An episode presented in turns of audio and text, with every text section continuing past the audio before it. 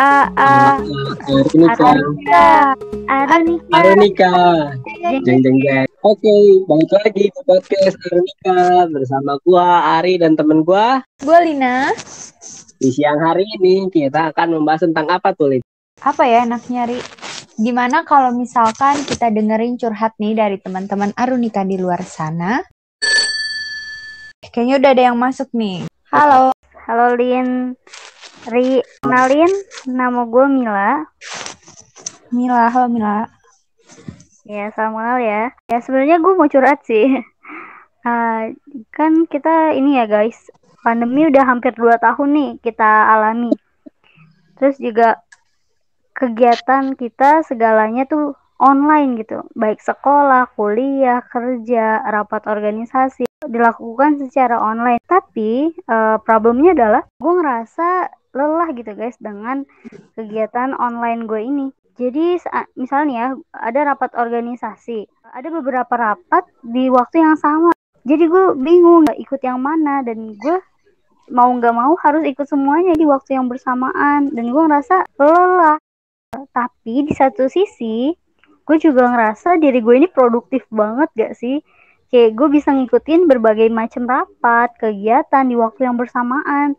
Kalau menurut gue pribadi nih Mel, dari yang udah dicurhatin sama Mila, jatuhnya sih kayak sibuk ya Mel. Apalagi tadi Mila bilang kalau misalkan Mila tuh ngikutin on kegiatan on online secara bersamaan. Untuk kebanyakan orang mungkin itu bukannya fokus, malah kepecah fokusnya gitu. Apalagi kalau misalkan prioritas lo tuh beda-beda. Lo lebih prioritas ke sini ya lo bakal fokus ke sini gitu. Dan itu jatuhnya sibuk, apalagi lo ngerasa juga capek. Kalau Nah, menurut iya, gue itu bukan iya, kalau menurut gue sih itu bukan produktif ya nggak sih, Ri? Betul banget itu. Oh, jadi yang selama ini gue lakuin itu bukan produktif ya? Kurang tepat. Iya, betul, kurang tepat. Karena di situ lo masih ngerasa harus memenuhi semua kegiatan, tapi lo ngerasa capek. Di mana kalau produktif, Hmm. ya badan lo ngerasa biasa aja dan semua hal yang lo ingin capai tetap tercapai gitu, tanpa harus ngebuat diri lo capek. Walah, dari kalian ada yang punya saran gak sih biar gimana nih gue harus lebih produktif? Oke, emang Arunika tuh isinya tips-tips ya. Jadi selalu ada tips setiap harinya. Nah, untuk hari ini kita akan bantu Mila dan teman-teman yang lainnya untuk mengatasi hal yang serupa. Yang pertama, gue ada saran untuk buat catatan. Buat catatan di mana lo buat catatan itu dari lo bangun tidur sampai lo mau tidur lagi itu lo tulis semua kegiatannya. Abis itu kalau misalkan lo udah ngelakuin bisa checklist atau lo coret gitu. Nah itu bisa ngebantu lo buat teratur ngejalanin kehidupan lo dalam seharian. Tapi lo juga bisa bikin plan mingguan ataupun bulanan sih di post-it atau to-do list dan yang lain-lainnya. Kalau gue pribadi, gue selalu bawa ke mana-mana yang namanya post-it.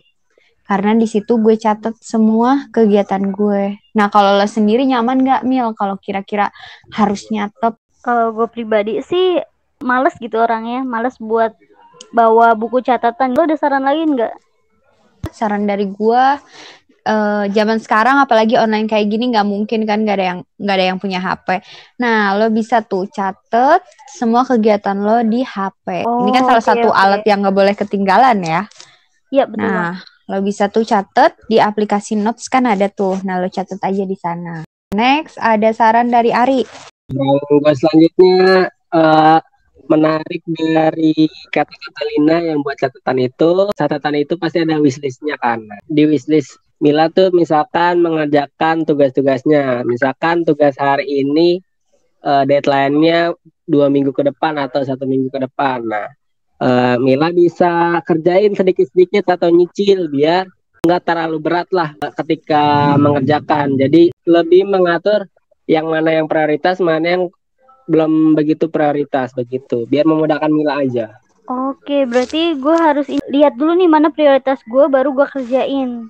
Iya betul. Oke, sip sip. Selanjutnya dari gue nih Mel, ada lagi lo bisa atur jam spesifik lo. Jadi lo harus konsisten dengan batasan-batasan yang udah lo buat. Nah sekarang tinggal lo atur waktu lo. kayak lo punya batasan kayak gue jam 10 malam tuh udah batas meeting online onlinean tuh batasnya cuma 10 malam karena itu waktu gue buat istirahat nah lo harus komitmen tuh sama batasan yang udah lo buat harus konsisten juga gitu Oke, gue bakal lebih komitmen deh.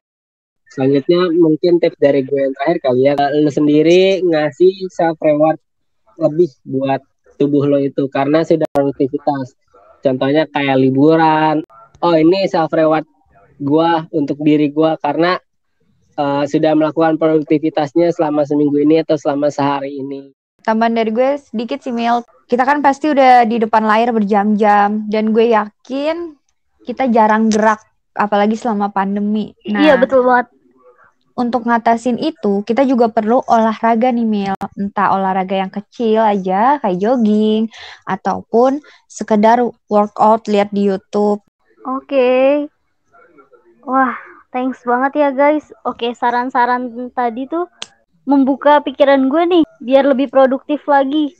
Oke, thanks ya Ri, Lin eh, atas Iya. saran-sarannya. Insya Allah depannya gue bakal ngejalanin saran-saran dari kalian dan semoga gue bisa lebih produktif gitu ya daripada hari ini gitu. Thanks ya. Oke, Iya. thanks juga Mila yang udah mau sharing di Iya, Arunika hari ini. Ya, oke. Eh, gue pamit ya. Eh, kalian sehat-sehat ya guys. Eh, dan Oke, oke, bye-bye. bye. Tadi udah ada Mila nih yang udah sharing tentang produktivitas ya, Ri. Oke, sebelum kita sudahi, kalian tahu kan bagian akhir podcast Arunika tuh selalu disisipi quotes-quotes of the day gitu. Ada apa nih, Ri, untuk quotes hari ini? Gue punya quotes nih. Sibuk tentu aktif, diam belum tentu pasif. Yuk kita jadi generasi muda yang produktif. Dari gue cukup untuk hari ini. Kita izin pamit. Gua Ari dan Gue Lina. Jaga kesehatan semuanya. See you di podcast kita selanjutnya. Terima kasih. See you Dadah. guys. Dah.